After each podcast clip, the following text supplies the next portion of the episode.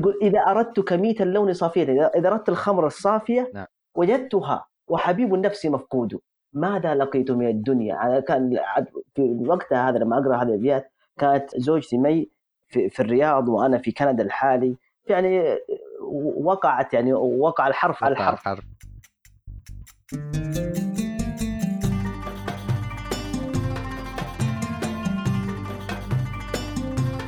أهلا بكم في بودكاست نافذة. معكم أنا عمر اليماني واحتمال طارق السلامة. في كل حلقة نستضيف شخص من المجال الطبي يفتح لنا نافذة على موقف أو جزء من حياته العملية العلمية أو الاجتماعية تعلم منه درس في الحياة. لا تنسوا إذا أعجبتكم الحلقة انشروها وسجلوا في البودكاست عشان تجيكم الحلقات الجاية أول بأول.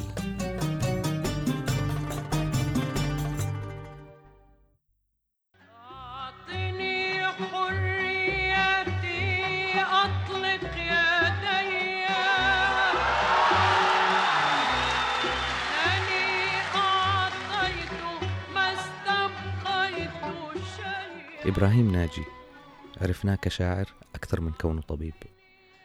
شعره يتسم بالرومانسية لكن الأهم من كده إنه كان من رواد تحرير الشعر العربي من الأغلال الكلاسيكية والإيقاعات المتوارثة. بعد أول ديوان له العقاد وطه حسين انتقدوا شعره نقد لاذع ربما لتمسكهم بالكلاسيكية القديمة. وهو طبعا الإنسان مرهف الحس أثر فيه كلامهم بشكل كبير جدا. وكحال الكثير من المبدعين الناس ما قدروا إبداعه إلا بعد وفاته. فدرسوا ودرسوا قصائده وكتبوا فيه كتب. حتى أم كلثوم غنت قصيدته الشهيرة الأطلال.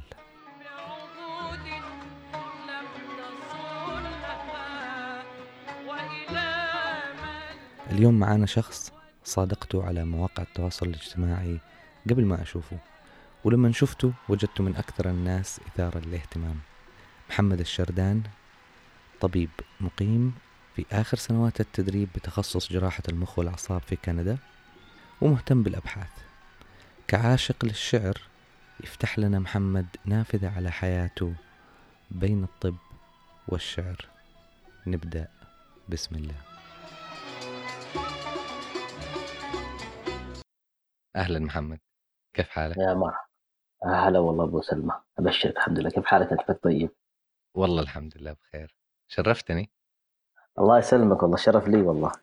مبسوط بوجودي معك يعني صاير أنت آه، طبيب تخدير و...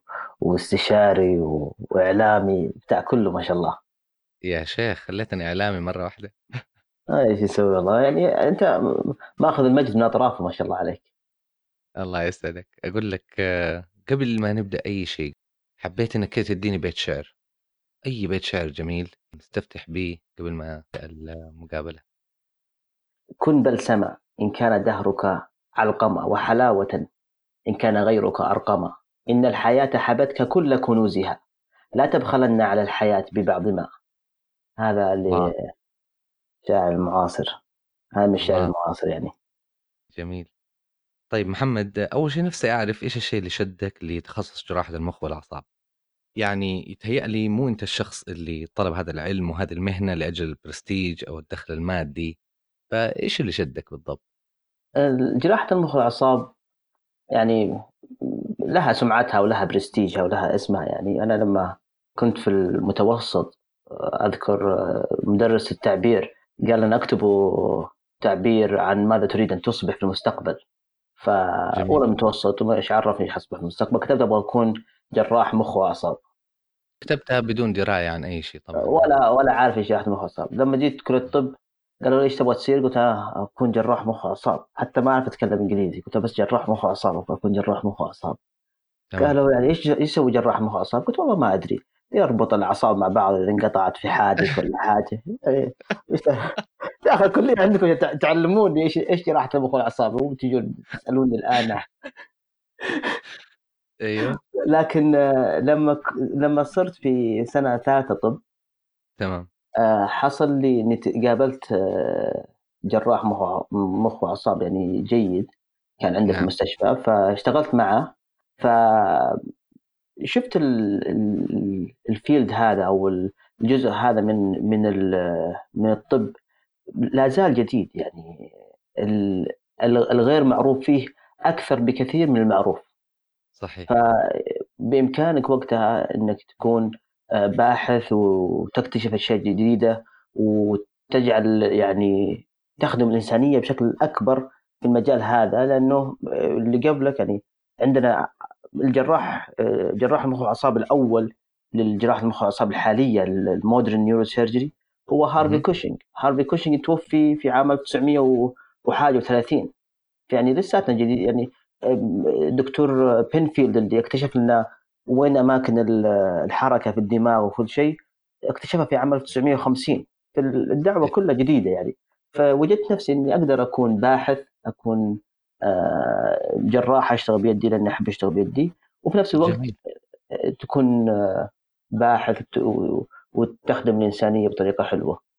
وأنت يعني رغبت في التخصص من الناحية العلمية والشغف بالتخصص ذاته وفوق ذلك كنت أهلا لل- للتخصص لأنه نعرف قديش ال- القبولات في هذا التخصص صعبه جدا. آه، فما شاء الله عليك. الله يجزاك خير. أتمنى يعني هم أنا لعبت عليهم ضحكت عليهم يعني كذا ومشوني ما ما عرفوا يعني. هم طيب آه، بحكم حبك للشعر هل شفت نفسك بعد الثانوية محتار ما بين ال- دراسة الطب أو آه، دراسة أي شيء في المجال الأدبي؟ آه لا والله حقيقة لا. يعني أنا أنا شفت نفسي ميال للطب. أنا أبغى أكون عالم وأبغى أشتغ- أشتغل في الطب. الأدب ميولي له ما كان بسبب ال... ما كان ميول أكاديمي.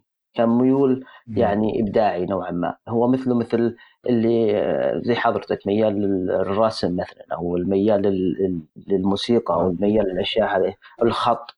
ففي هذه الميولات ما- تعني إنك تكون بالضرورة متخصص فيها، التخصص في الأدب يعني إنك تكون ناقد للأدب.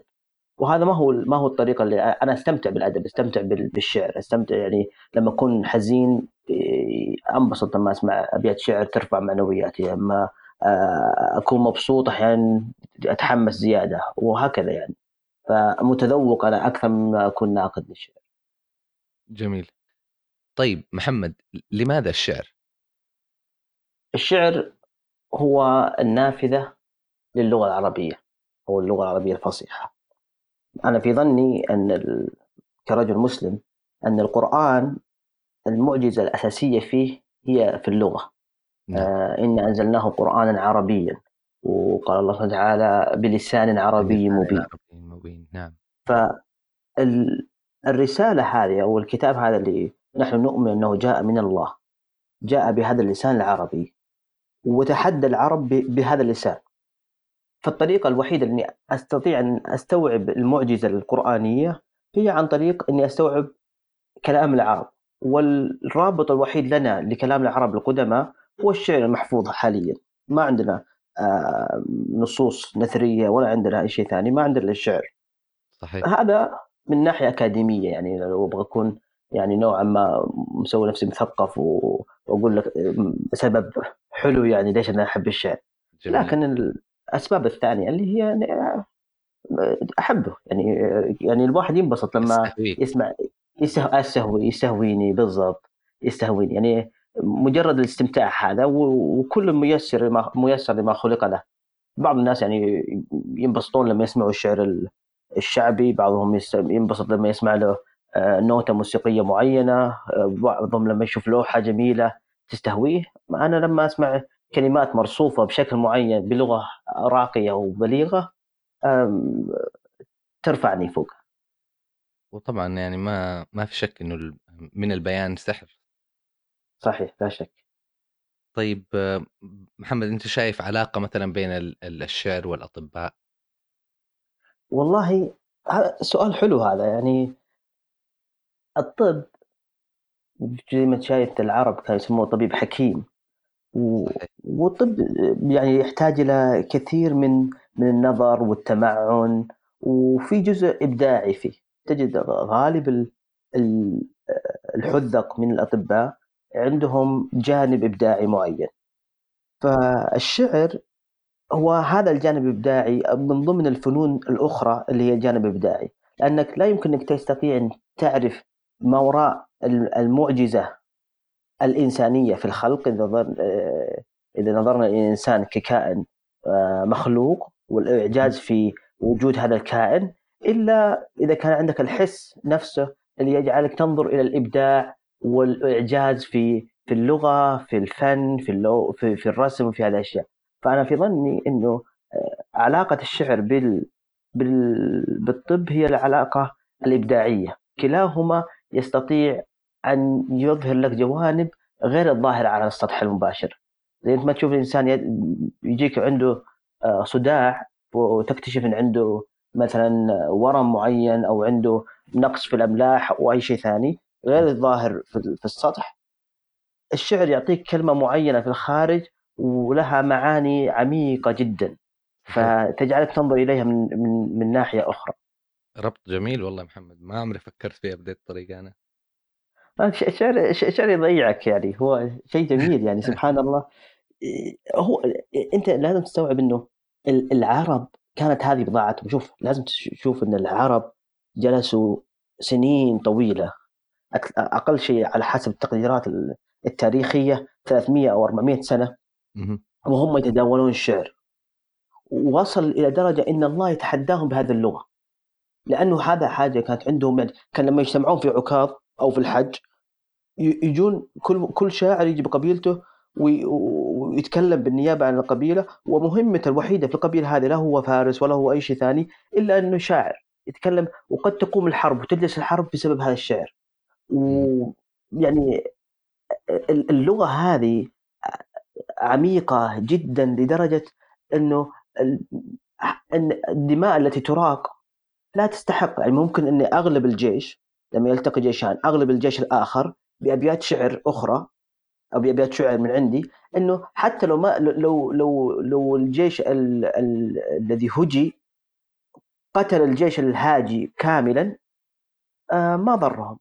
بقيت الكلمات سارت في الأمصار ولا فه... ولا فادتهم شجاعتهم ولا فادهم أي شيء صحيح. فقد توقف الحرب وتنتهي يعني الكلمة أقوى بكثير من من القوة آه الفيزيائية نعم. من السيف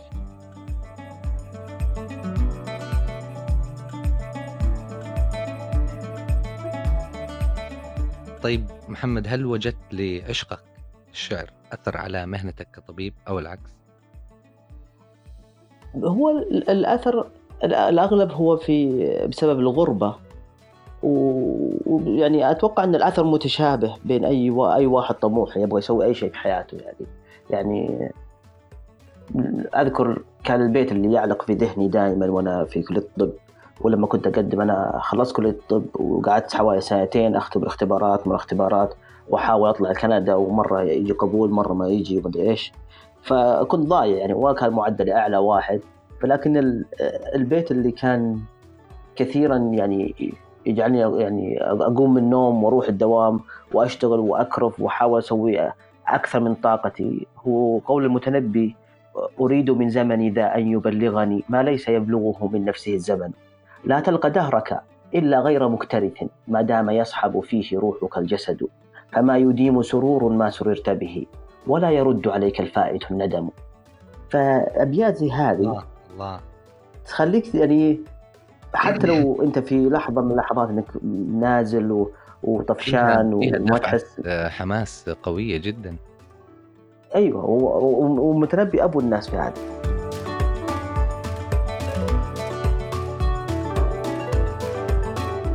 المتنبي قد لا يكون آه، أقوى أبلغ الشعراء القدماء لكنه أقرب الناس لقلبي أنا. يعني لما لما سافرت كندا مرت بظروف آه، يعني أتوقع أنه يعني تمر بكل المبتعثين. أول ثلاث شهور أول ست شهور فارقت أهلك فارقت أبوك وأمك فارقت إخوانك وأصحابك وكل شيء. وأنت في بلد غريبة وبرد و... وناس ما تعرفهم. وأنت يعني كنت بنيت شخصية عن نفسك والناس عرفوك لمده ست سنوات في الطب في المستشفى الجامعي أو في المستشفى اللي عندك. الناس عارفينك كنت تروح على بيئة جديدة وانت وصلت لمرحلة انك كبرت شوي في العمر يعني ما انت فاضي تسوي علاقات جديدة وكذا. فمرت بمرحلة ما كنت مرة مبسوط. فالمتنبي يعني كذلك كان له أبيات جميلة. يقول ماذا لقيت من الدنيا؟ وأعجبه أني بما أنا شاك منه محسود. الله. فتشوف الفكرة فيه هذه يعني هو الأبيات قصيدة معروفة للمتنبي هي بطلعها يعني أتوقع إنه شهرها بشكل جعل الناس ما يحبون القصيدة. المطلع المعروف عيد بأية حال عدت يا عيد. كل الناس حفظ هذا المطلع وتركوا القصيدة. والقصيدة أبياتها الأخرى أعلى وأحلى من من هذا المطلع. المطلع. هو يقول عيد بأية حال عدت يا عيد بما مضى أم بأمر فيك تجديد. أما الأحبة فالبيداء دونهم. فليت دونك بيدًا دونها بيد لولا العلا لم تجب بي ما أجوب بها وجناء حرف ولا جرداء قيدود. وكان أطيب من سيف مضاجعة أشباه رونقة الغيد الأماليد. لم يترك الدهر من قلبي ولا كبدي. شيئا تتيمه عين ولا جيد. يا ساقيي أخمر في كؤوسكما؟ أم في كؤوسكما هم وتسهيد؟ أصخرة أنا ما لي لا تحركني هذه المدام ولا هذه الأغاريد. إذا أردت يقول هذا الحين شوف يصف حالتي هنا في كندا بشكل جميل. يقول يقول إذا أردت كميت اللون صافية إذا إذا أردت الخمر الصافية نعم. وجدتها وحبيب النفس مفقود. ماذا لقيت من الدنيا؟ أنا كان في وقتها هذا لما أقرأ هذه الأبيات كانت آه، زوجتي مي في, في الرياض وأنا في كندا الحالي. يعني وقعت يعني وقع الحرف على الحرف. حرف فقال إيه، إذا إذا أردت كميت اللون صافية وجدتها وحبيب النفس مفقود ماذا لقيت من الدنيا؟ وأعجبه أني بما أنا شاك منه محسود. فعجيب هذا المتنبي. هو المتنبي يعني عميق جدا. آه، سبحان الله. آه، يعني هو الم- المتنبي على كلامه في العصر العباسي يعني ملأ الدنيا وشغل الناس. يعني أخبى ذكر كل الشعراء الآخرين لما ظهر المتنبي كأن لا يوجد شاعر آخر على على وجه البسيطة كامل. يا الله. طيب محمد مين هم الشعراء المفضلين لديك غير المتنبي؟ آه، الحين هو الحين بدأت بالمتنبي. نعم. المتنبي أقرب الناس شعر إلى القلب. يعني كلامه واضح. ولأنه كلامه كلامه واضح فلما تبدأ في في معرفة الشعر آه، تحبه مثل مثل ما تحب آه، إيليا أبو ماضي. إيليا أبو ماضي اللي اللي بدأت في الشعر في قصيدته الأولى هذه أول أول مقابلة اللي يقول كن بلسما إن كان دهرك أرقما وحلاوة إن كان غيرك علقما إن الحياة حبتك كل كنوزها لا تبخلن على الحياة ببعض ما آه، فإيليا أبو ماضي كلامه واضح ولغته بسيطة مثل مثل أحمد شوقي. يعني شعراء المعاصرين أو المتنبي وشعراء العصر الإسلامي كلهم شعرهم جميل. لكن لما تبغى تتعمق وتقرأ المعلقات تشوف إن شعراء المعلقات ما جعلوا شعراء المعلقات إلا لسبب سبب نعم أيوه هم يعني يعني شعرهم عالي عالي جدا لدرجة إنك أحيانا لما تقرأ تقول يعني هذا كلام فاضي يعني لأنك ما أنت ما أنت م- مش مستوعب. مستوعب ال- مستوعب حجم ال-. ال- الإبداع فيه وأعلاهم بلا منازع أنا كنت من من المعجبين جدا بعنتر بن شداد. آه عنتر بن شداد يقول هل غادر الشعراء من متردم؟ أم هل عرفت الدار بعد توهمي؟ هذا معلقته مم.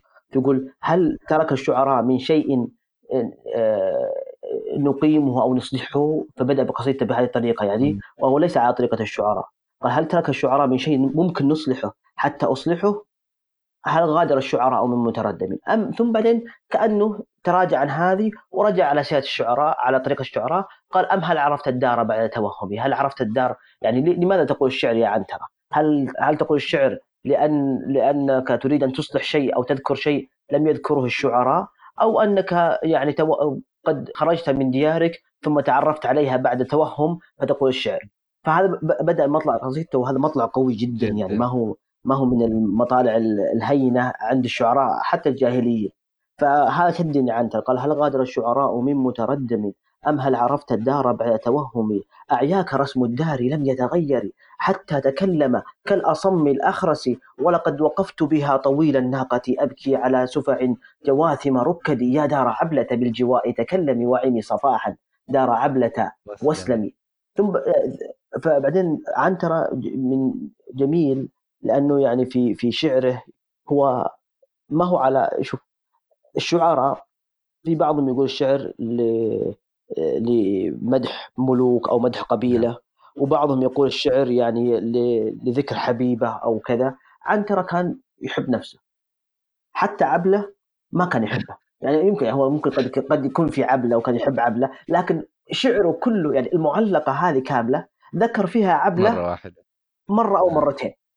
وهي وهي 150 بيت أو أو 80 بيت على حسب الرواية تسمع تقرأها فيها. لكن ما ذكر عبله هو كان همه في حياته كله إنه يذكر للناس إنه أنا عنتره الذي نفاني أبي وأخذت حقي وجعلت لي مكانة بشجاعتي وقوتي. فيقول في المعلقة أيوه يقول ولقد شفى نفسي وأبرأ سقمها. قيل الفوارس ويك عنتر أقبلي. وكهذا يقول يقول ان ان إن قصة هذا البيت إنه لما جت قبيلة غارت على بني عبس قال أبو عنترة لعنترة قال يا عنترة قم قاتل. قال العبد لا يصلح إلا لل لل- للحلب والصرف. فراجعه قال قم قاتل قال العبد لا يصلح لهذا. أنا شغلتي أحلب وأصر ال- ال- ال- ال- الحليب. أما أقاتل ما أنا عبد. لأنه ابوه ما نسبه. نفسه. هو ابن جارية. فلما أعاد عليه وأعاد عليه ثم قال يا بني قم قاتل. لما قال له هذا قال ولقد شفى نفسي. وأبرأ سقمها. قيل الفوارس ويك عنتر أقبلي. يدعون عنتر والرماح كأنها أشطان بير في لباد الأدهم. ما زلت أرميهم بثغرة نحره ولبانه حتى تسربل بالدم. فازور من وقع القنا بلبانه وشكا إلي بعبرة وتحمحم لو كان يدري ما المحاورة اشتكى. ولكان لو علم الكلام مكلم فعنتر يعني ارتفع فيني فوق. فلما ارتفع فيني فوق وصلني إلى واحد ما في أحد فوقه خلاص. في الشعر ما عاد. هذا أبو الشعراء وجدهم ورئيسهم الأوحد امرؤ القيس. امرؤ القيس الكندي هذا أعجب الشعراء. إذا إذا هو هو صاحب المعلقة معروف. هو معلقته معروف. أصلا يعدونها هي المعلقة الأولى في المعلقات. فامرؤ القيس هذا ابن ملك. وقال الشعر لا لطلب جاه ولا لطلب شيء ولا حتى مدحا في نفسه. قال الشعر فقط لأنه يريد أن يقول. الشعر. وضاع ملكه وقال الشعر هو قال معلقة مشهورة قف نبكي من ذكرى حبيب ومنزلي بسقط اللواء بين الدخول فحوملي فتومق فال- فالمحرات لم يعفر اسمها لما حملته من رحوم وسمأل ترى بعر الآرام في عرصاتها وأكمامها كأنه حب فلفل المهم هذه هذه معلقته يعني ذكر فيها حياته. وأنه يعني امرؤ القيس في قصائده ابتدأ أشياء لم يبتدئها العرب. يقول عمر بن الخطاب عن امرؤ القيس فقأ لهم عين الشعر. فجاء يعني فتح عليهم شيء ما ما ما عرفوه. أيوه يعني لأنه هذه شفت تعرف دائما يقولون الوقوف على الأطلال. تسمع بهذا اللفظة؟ هذا الوقوف على الأطلال ما يعرفوه العرب. اللي جاب لهم هو امرؤ القيس. هو أول من وقف واستوقف وبكى واستبكى. هو شفت هذا في المعلقه قال كيف نبكي من ذكرى حبيبي ومنزلي؟ هذا أول وقوف على الأطلال. هذا أول من وقف واستوقف هو امرؤ القيس. وأول من بكى واستبكى هو امرؤ القيس. وله يعني قصائده ثقيلة ثقيلة. يعني وتجد فيها يعني معاني طبقات من المعاني في البيت الواحد. وعنده نفس طويل فيبدأ لك القصيدة في البدايه و- و- و- ويرجعك على القصة في آخر القصيدة بعد 30 بيت نعم. 40 بيت فلا بد إنك يكون عندك قوة ذهن وح- وحاضرة ذهنية حتى تستوعب ال- الفكرة و- وله أمثال جديدة يعني يعني هو إمرؤ القيس يعني هو اللي آه، لما ذكر ال- النساء. قال من القاصرات الطرف لو دب محول من الذر فوق الإتب منها لأثر ويذكر يمدح مجموعة من النساء. يقول إنهم هؤلاء النساء قاصرات الطرف. فلما تقول عن امرأة قاصرة الطرف معناتها أنها تستحي من نعم. الرجال. فمعناتها أنها لا تنظر إلى الرجال كثيرا معناتها أنها في مكان لا لا تظهر فيه إلى الرجال. لكنها منعمة. فيريد أن يبين أنها منعمة ما هي مسجونة في مكان ما تنظر فيه الرجال يبين أنها منعمة. يقول من القاصرات الطرف لو دب محول لو دب. آه، المحول هو ال- الذي عمره حول يعني عمره سنة يعني. صغير صغير من الذر من من من النمل. يقول لو هذا الصغير من النمل مشى عليها من فوق رداء خفيف أثر في جلدها من نعومته ومن جماله ومن ومن تنعمها. فهو فلما جاء القرآن باللسان عربي مبين وذكر الحور العين قال حور مقصورات في الخيام. فهمت هذا المعنى بجديد ما كانت العرب تعرفه. ما كانت تعرف هذا الشيء قاصرة الطرف هذا هذا هذه اللفظة أو هذا الإطلاق على المرأة لم يكن معروفا عند العرب قبل امرئ قيس. فهو أتى بهذه المعاني الجديدة استحدث معاني في اللغة ما كان أحد يعرفها. جميل. فإذا استطعت أن تستوعب امرئ القيس تستطيع أن تنظر إلى القرآن وتنظر إلى الإعجاز اللغوي في القرآن تنظر إلى الإعجاز البلاغي في القرآن. إذا لم تستطع أن تستوعب امرئ القيس ولا ولا عنتر ولا هؤلاء ولا ولا الأعشى ولا ولا ولا أصحاب المعلقات الذي نزل عليهم القرآن بلغتهم فلا ليس لك الحق أن تنظر إلى القرآن وتقول والله ما أشوف فيه إعجاز. أو آه، هذا كيف الإعجاز اللغوي في القرآن؟ ممكن الإعجاز شيء ثاني ما هو إعجاز لغوي. يكون حالك مثل حالي أنا وحال الم- المجتمع حالنا مثل آه، حال قوم موسى. لما لما موسى عليه السلام آه، أرى فرعون ال- الآية ألقى عصاه فإذا هي حية تسعى قال فرعون له هذا سحر. مظبوط. فجمع السحرة على ما يعرف وجمع أيوه. فج- جاب جاب السحرة فرعون جاب السحرة وجاب موسى. فألقى موسى عصا فإذا هي تلقف ما صنعوا. السحرة لما نظروا إلى هذا عرفوا أن هذا أكبر من السحر وعرفوا أن هذا حقيقة. فآمنوا. سبحانه وتعالى. ال- العامة لم يؤمنوا لأنهم نظروا إلى إلى إلى عصا موسى، هم آمنوا لأنهم نظروا إلى السحرة يؤمنون بموسى لأنهم هم عندهم كلها نفس الشيء، كلها عصا صارت حية، عصا صارت حية. لم لم يستوعبوا أن هذه العصا التي صارت حية ثم صارت تلقف ما صنعوا هي أعلى درجة من السحر، ما هي فقط ولأن تخيل. فرعون يعني اللي يحصل أن... ولأن فرعون يعني ما كانت هذه مهنته ما كانت هذه السحر أيوة. لم يكن آه، مهنته هو في ذاته فلا يعني فلم يقدر الإعجاز في عصا موسى عليه السلام. بالضبط. فنحن الآن لأن اللغة ليست مهنتنا لا نستطيع أن نستوعب اللغة فلا نقدر الإعجاز البلاغي نعم. نؤمن به و... لا ننظر ولكن على- ربما لا نقدر م... آه، لا لا نقدر مدى الإعجاز فيه. آه، ونعلم نعلم بوجود أيوة، الإعجاز نؤمن- ونؤلم ونؤمن به ولكن ربما لا لا نقدره حق قدره. هذا اعتقادي. أنا أعتقد اني أؤمن بإعجاز القرآن. البلاغي لأنه لما جاء القرآن وقال فأتوا بسورة من مثله وكان في أبو جهل وأبو الحكم وكف وعتاوله قريش وهم فصحى لم يستطيعوا. فهم لما سمعوا هذا الكلام وقالوا إن له لحلاوه وإن عليه لطلاوة وإن له مثمر مغدق أسفله ورأوا في هذا الجمال ولم يستطيعوا أن يأتوا بمثله فأنا مؤمن أن هذا شيء معجز بلاغي. لكن هل أنا أستطيع أن أستوعب هذا الاعجاز البلاغي كاملا؟ لا أقرب شيء لي أني أستطيع أن أصل إلى شيء من هذا التلذذ بحلاوة القرآن هو أنني أستوعب هذا الشعر فإذا استوعبت هذا الشعر استوعبت هذا هذا القرآن كذا ظني أنا على الأقل جميل جميل جدا طيب مين في أطباء شعراء تعرفهم؟ والله المشهور وهو في القديم كان كثير من الناس يكتبون الشعر وهم أطباء لكن تعرف إنه في القديم كان ما في شيء اسمه مهنة الطب بذاته كان الواحد يكون كيميائي وفيزيائي وكله مع بعضه.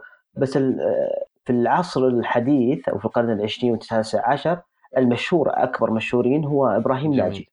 آه إبراهيم ناجي آه اللي كتب آه كتب كثير من القصائد. لكن آه اللي شهرت له يا فؤادي رحم الله الهوى كان صرحا من خيال فهوى. اسقني واشرب على أطلاله واروي عني طالما الدمع روى. كيف ذاك الحب أمسى خبرا وحديثا من أحاديث الجوى إيش يذكرك من هذه؟ كلثوم بالضبط. آه. هو آه كاتب كبير إبراهيم ناجي وشعره من من من من جميل آه، الشعر الحديث ويعني خلد ذكراه آه، محمد عبد الوهاب و- وأم كلثوم. طيب تعرف شعراء أطباء آخرين في العصر الحديث شعراء معاصرين. ما في مشهورين لكن يعني آه، هو أكثرهم شهرة هو هو إبراهيم ناجي في ظني. لكن آه، في كثيرين ما ذكروا أصلا اشتغالهم بالطب. فتجد حتى من من المع... مع- مو المعاصرين الشعراء المشهورين لكن من الزملاء وهؤلاء تجد في لهم. أشعار. وكما تقول العرب يعني لا يوجد عربي إلا قال البيت والبيتين. وقد لا يعد شاعرا يعني. صحيح. وإبراهيم ناجي أصلا يعني نشأ في نشأ في بيت مليء بالكتب يعني ف وأبوه كان يشجعه على قراءة الكتب. لذلك كانت ثقافته عالية جدا و وربما اهتمامه بالأدب زاد بسبب اطلاعه على الكتب. هذا أعتقد ان هذا صحيح. يعني ترى في مقولة مشهورة عند العرب إنه من حفظ ألف بيت أصبح شاعرا لأن ال- ال- ال- الكلام من الكلام. يعني إذا إذا جمعت عندك انت ابيات كثيرة ومعاني كثيرة في في ذهنك وأردت أن يعني تقولها بصيغة جميلة تستطيع. جميل. أعتقد إن اذا إذا تمكنت من اللغة وعرفت الشعر فقول البيت والبيتين أو حتى قصيده وقصيدتين لا لا لا يعجزك. يعني قد لا يكون من من المعجزات عليك. لكن هل تكون شاعر متمكن مثل آه، المتنبي؟ هذا يحتاج إلى إلى موهبة أو إن صح يعني علاقة بقريب من الجن. من موهبة محمد. أقول قريب من الجن هو ممكن يجيك قريب من الجن يعني يعلمك لأنه المتنبي ما أتوقع هذه موهبة لحالها لأنه عنده عنده شيء ما هو ما هو عند الناس. أنا كنت أقصد اطلاع كبير و... ودراسة وحفظ أشعار تقصد قريب لا هذا فوق هذا هذا فوق فوق هذا ما, ما يجي له ما يجي يا أخي ما يجي. يقول كلام ما ما هو صحيح. هين يا أخي.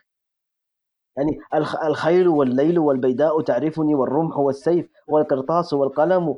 أنا الذي نظر الأعمى إلى أدبي وأسمعت كلماتي. من به صمم؟ أنام ملء جفوني عن شواردها. ويسهر الخلق جراها. وي و- ويشتغل. إيش إيش هذا؟ إيش هذا؟ من وين تجيب هذا الكلام يعني؟ ما يعني هذا فوق فوق فوق الطبيعي فوق لازم عنده واحد بوجود القرين أما ما في ما فيها كلام يعني ما فيها كلام هذا إثبات هذا صعب يعني ويذهب يعني ضد مخالف لكثير من ال من الافكار العلمية اللي في بالي لكن أنا لما يجي الشعر أحط العلم وال والمعامل والعلم الحديث هذا كله على جنب إن شاء الله ونقعد مع المتنبي جميل وديوان جميل. طيب محمد آه، ندخل في سؤال شخصي. في حسابك في تويتر كاتب neurosurgery resident طبيب مقيم جراحة مخ واعصاب optimist متفائل. وأنا بقول للمستمعين على تفاؤل آه، محمد يعني. لما جات آه، فترة إيقاف الابتعاث على كندا وربما عودة الأطباء من من كندا إلى السعودية وانقطاعهم عن تدريبهم. أغلب من أعرفهم دخلوا في حالة هلع شديد. آه، بينما محمد يتصل علي وهو يضحك يعني. كيف حالك أبو سلمى؟ أقول لك أنا قدمت على ماجستير في أمريكا وأبغى أجي أسوي ماجستير ثلاث سنين ويعني بكامل الأريحية والبساطة وال- والتفاؤل والضحك ما يعني والله العظيم يمكن كلمت فوق 10 أشخاص ولا 15 شخص. أنت الوحيد اللي كنت يعني كان يعني ربما كان حتى مو يعني تفاؤل بزيادة كأنه لا مبالاة يعني. ولكن أنا عرفت إنه من قوة الإيمان بالله سبحانه وتعالى يعني ما شاء الله وتفاؤلك الشديد اللي هو أحد سماتك الجميلة. فلما كتبت اوبتيمست متفائل في في تويتر أنت صادق فيها مليون في المية. طيب بعدها هو لأن كل شيء. مكتوب. بعدها married to May the love of my life. الدكتورة مي زوجتك و every day is a better day. هذا من التفاؤل أيضا ما شاء الله. طيب آه، أيوه. ما أعرف إذا عندك مانع أو لا تحكي لنا عن آه، يعني عن كيف تزوجتوا ابدا ما عندي مانع. يا مي أنا أتوقع إن إن غشيتها يعني. هو الحق يقال إنها ما أنا لا أستحق مي يعني هي فوق هذا. فلا أيوه هي هي فوق يعني ما شاء الله يعني تستاهل أحسن مني بس أنا لعبت عليها يعني وصدقتني. كيف لعبت عليها؟ اشتغلت اشتغلت في ريسيرش آه، مع مع أبوها دكتور فهد محارب وكانت موجودة هي في ال research بعد ال research يعني عجبتني فحاولت أتواصل معاها وطلبت قلت لها أعطيني رقم اعطيه رقم الوالدة عشان أمي تكلمها تخطبه أي. قفلت السماعه في وجهي فبعد كان معك تقريبا شهر أو يعني. فوق الشهر كان معك الدكتور طيب أرسلت لي. و- يعني والدها مستحي أنا يعني ما أخاف إنه أروح أكلم الرجال يرد آه، قلت أوكي. خليه يكلم أمي يتكلم من امها باب إنك عشان تضبط ال- الأمور يعني. آه، أتجنب الاحراج يعني إحراج على نفسي يعني فبعد شهر أو قريب الشهر يعني ارسلت م. لي رقم أمها فأمي كلمت أمها وبعدين أخذوني خطبة شا- سنتين عشان أخلص الخطوبة الخطبة سنتين؟ وبعدين سنتين أنت ملكه كنت إيش؟ وبعدين سنة أولى طب إيه؟ خطوبة سنتين و... لا والله كنت يعني هو أنا تز- تزوجت بعد التخرج. بسنة بس أنا خطبت من في نص كلية الطب يعني كنت في سنة رابعة طب وأنا خاطب فقعدت حوالي أربع سنين تقريبا وأنا ما بين خطبة وكتب كتاب و... أو ملكة إلى إلى إلى حد ما تم الزواج الرسمي يعني أو آه، الزواج الاجتماعي بشكل كيف غشيتها بكامل طيب؟ مقوماته هو غشيتها أنا بال بحلاوة اللسان أو هي يعني شوف. ولا؟ هو دي جزئين. وحلاوه اللسان لا شك فيها. هي كانت تقول آه، آه، هو تعرف تقول أيام الخطبة ولا قبل الخطبة هذه الفترة الواحد يحاول يجمل نفسه بكل طريقة. أعطيها من الشعر. هذا أكب شعر في في ال- ال research. آه، ال research 10% 90% كيف كيف الواحد يصلي في المسجد ويحفظ وأول واحد في الروضة قدام عند الإمام وكيف يحفظ القرآن وكيف الشعر وكيف مدري يعني أعطيها بهذا كله كأني ملك منزل كأني أنا جيت البارح كنت جالس مع أبو بكر وعمر وجيتهم اليوم. يعني هذا اللي اللهم رضى عن الصحابة. طيب. طيب. وانت تشوف يعني لو, لو تشوف وقتها يعني كيف كيف ال, ال أنا أنا كنت الليدر تبع الدفعة. ف وهي كانت بادية السنة الجاية كان في الصيف هذا summer course. في الصيف السنة الجاية حتكون هي ال leader وأنا ال leader لي سنتين أيوة. وخبرة يعني وما شاء الله علي كبير يعني فكيف اعطيها advice عن ال leadership وكيف ال leader يكون firm لكن شعرة معاوية نعم. ترخي شوية وتشد شوية يعني رجل نعم. كامل بكامل الصفات ورضت الصدق الحق يقال رضت بالحمد لله الحمد لله هو ممكن هي رضت يعني ممكن شوف ما هي أحد أمرين ممكن إنها رضت بي وصدقتني وغشيتها أو إنها شافتني إنسان مسكين وقالت هذا charity project خليني أشتغل عليه أعدله خليه طيب هل الدكتورة محبة للشعر أيضا؟ هي والله شوف هي قالت لي إني أحب الشعر أذكر هذا الكلام عام 2012 أو 2011 استغفر الله 2011 يعني قالت قالت لك أحب أنا, الشعر. أنا حاسس إنه حيطلع ال- ال- الواقع شيء آخر هو شوف أنا قيل لي من من زملائي زملائي يجون عندي في البيت ويجلسون عندي يتقهوون فأنا أجلس عليهم الليلة آه،. أفتح عندي كتاب اسمه العود الهندي آه، آه، هو أمالي هو كتاب للدكتور السقاف يشرح فيه دول المتنبي فأفتح الكتاب وأقعد أقرأ عليهم ساعة ونص أشرح لهم المتنبي. فأصحابي ملوني تركوني قالوا لا بارك الله فيك ولا في قهوتك ما نبغى قهوة خلاص بطلنا. فقد يكون تغيرت الأمور هو. 2011 كانت تحب الشعر وكنت لما أكتب البيت والبيتين يعني تشوف البيت والبيتين وتنبسط أيوة. عليهم وتسمع مني وأدري إيش. مؤخرا في آخر سنتين أو ثلاث سنوات قالت لك give me break give me. break بس. لا تقول لا معلقة. أيوه ما ما ما أبغى لا معلقة ولا شيء. قلت طيب أنا أحفظ هو إيش يصير؟ أنا أحفظ الشيء فلازم أسمعه على أحد. فأنا لما لما أجلس مع مي أقعد أردد عليها. سما لك شوق بعدما كان أقصر. في الأخير وحلت تاخذ قدر على رأسك. ب- في الأخير أيوه بالضبط. فقالت خلاص بطلنا بطلنا. لا شعر ولا شيء. يا أخي اجلس معي يا أخي تكلم معي يا أخي. ما أبغاك تسمع. قلت أتكلم معاك طيب أقول لك شعر يعني. قالت لا أبغى أسمع أبغى أسمع كلام ثاني طيب برا الشعر يا أخي. هل هل قلت في الدكتورة شعرا؟ قلت فيها بس ما أدري هو شعر ولا ما هو شعر. يعني المشكلة إنه يعني هو أنا ما أقدر أحط كلام مرصوف في أحد غير مي. جميل. لم أستطع يعني حاولت يعني إني أكتب في أحد غير مي ما ما قدرت. ف آه، مي يعني جعلتني أحاول إني أكتب فيها وال- والمحاولات هذه هي أصلها يعني إن نوع من جميل. آه، الحاجة إلى التعبير. فأكون في عندي مشاعر حب مكتومة كثيرة فأريد أن أوصل لها بعض المعنى هذا فأكتب كلمتين على بعض لكنها يعني ما أتوقع تكون شعر لكنها شيء مرصوف ف يعني يقال إنه إنه إنه شعر يعني. طيب محمد قبل ما ننهي الحلقة هل لديك رسالة للمستمعين بخصوص موضوع الحلقة؟ وهي أتمنى أن أن الشعر العربي الفصيح ينظر إليه من من نظرة أخرى غير غير النظرة اللي تعلمناها أيام الدراسة في في في المدارس آه، خلال الدراسة العامة من ابتدائي ومتوسط وثانوي. الشعر أعمق وأجمل من آه، اللي سمعناه أو عرفناه، فقط يحتاج شوية وقت. تستوعب تفك بعض الرموز وتجد إنك تغوص في بحر عميق جدا لا متناهي من المتعة، فأنا نصيحتي يعني أعطوه فقط قليل من وقتكم وتجدون يفتح نعم. لكم أبواب كبيرة ما تتوقعونها. وشكرا آم. على استماعكم. طيب الله يديك العافية شكراً لاستضافتي يا أبو سلمى. آه، وأسعدتنا وضحكتنا وأطربتنا كمان بالشعر آه، وبهذا نختم الحلقة الله آه، يعافيك. محمد. آه، نراكم على خير إن شاء الله في حلقة الله. قادمة مع السلامة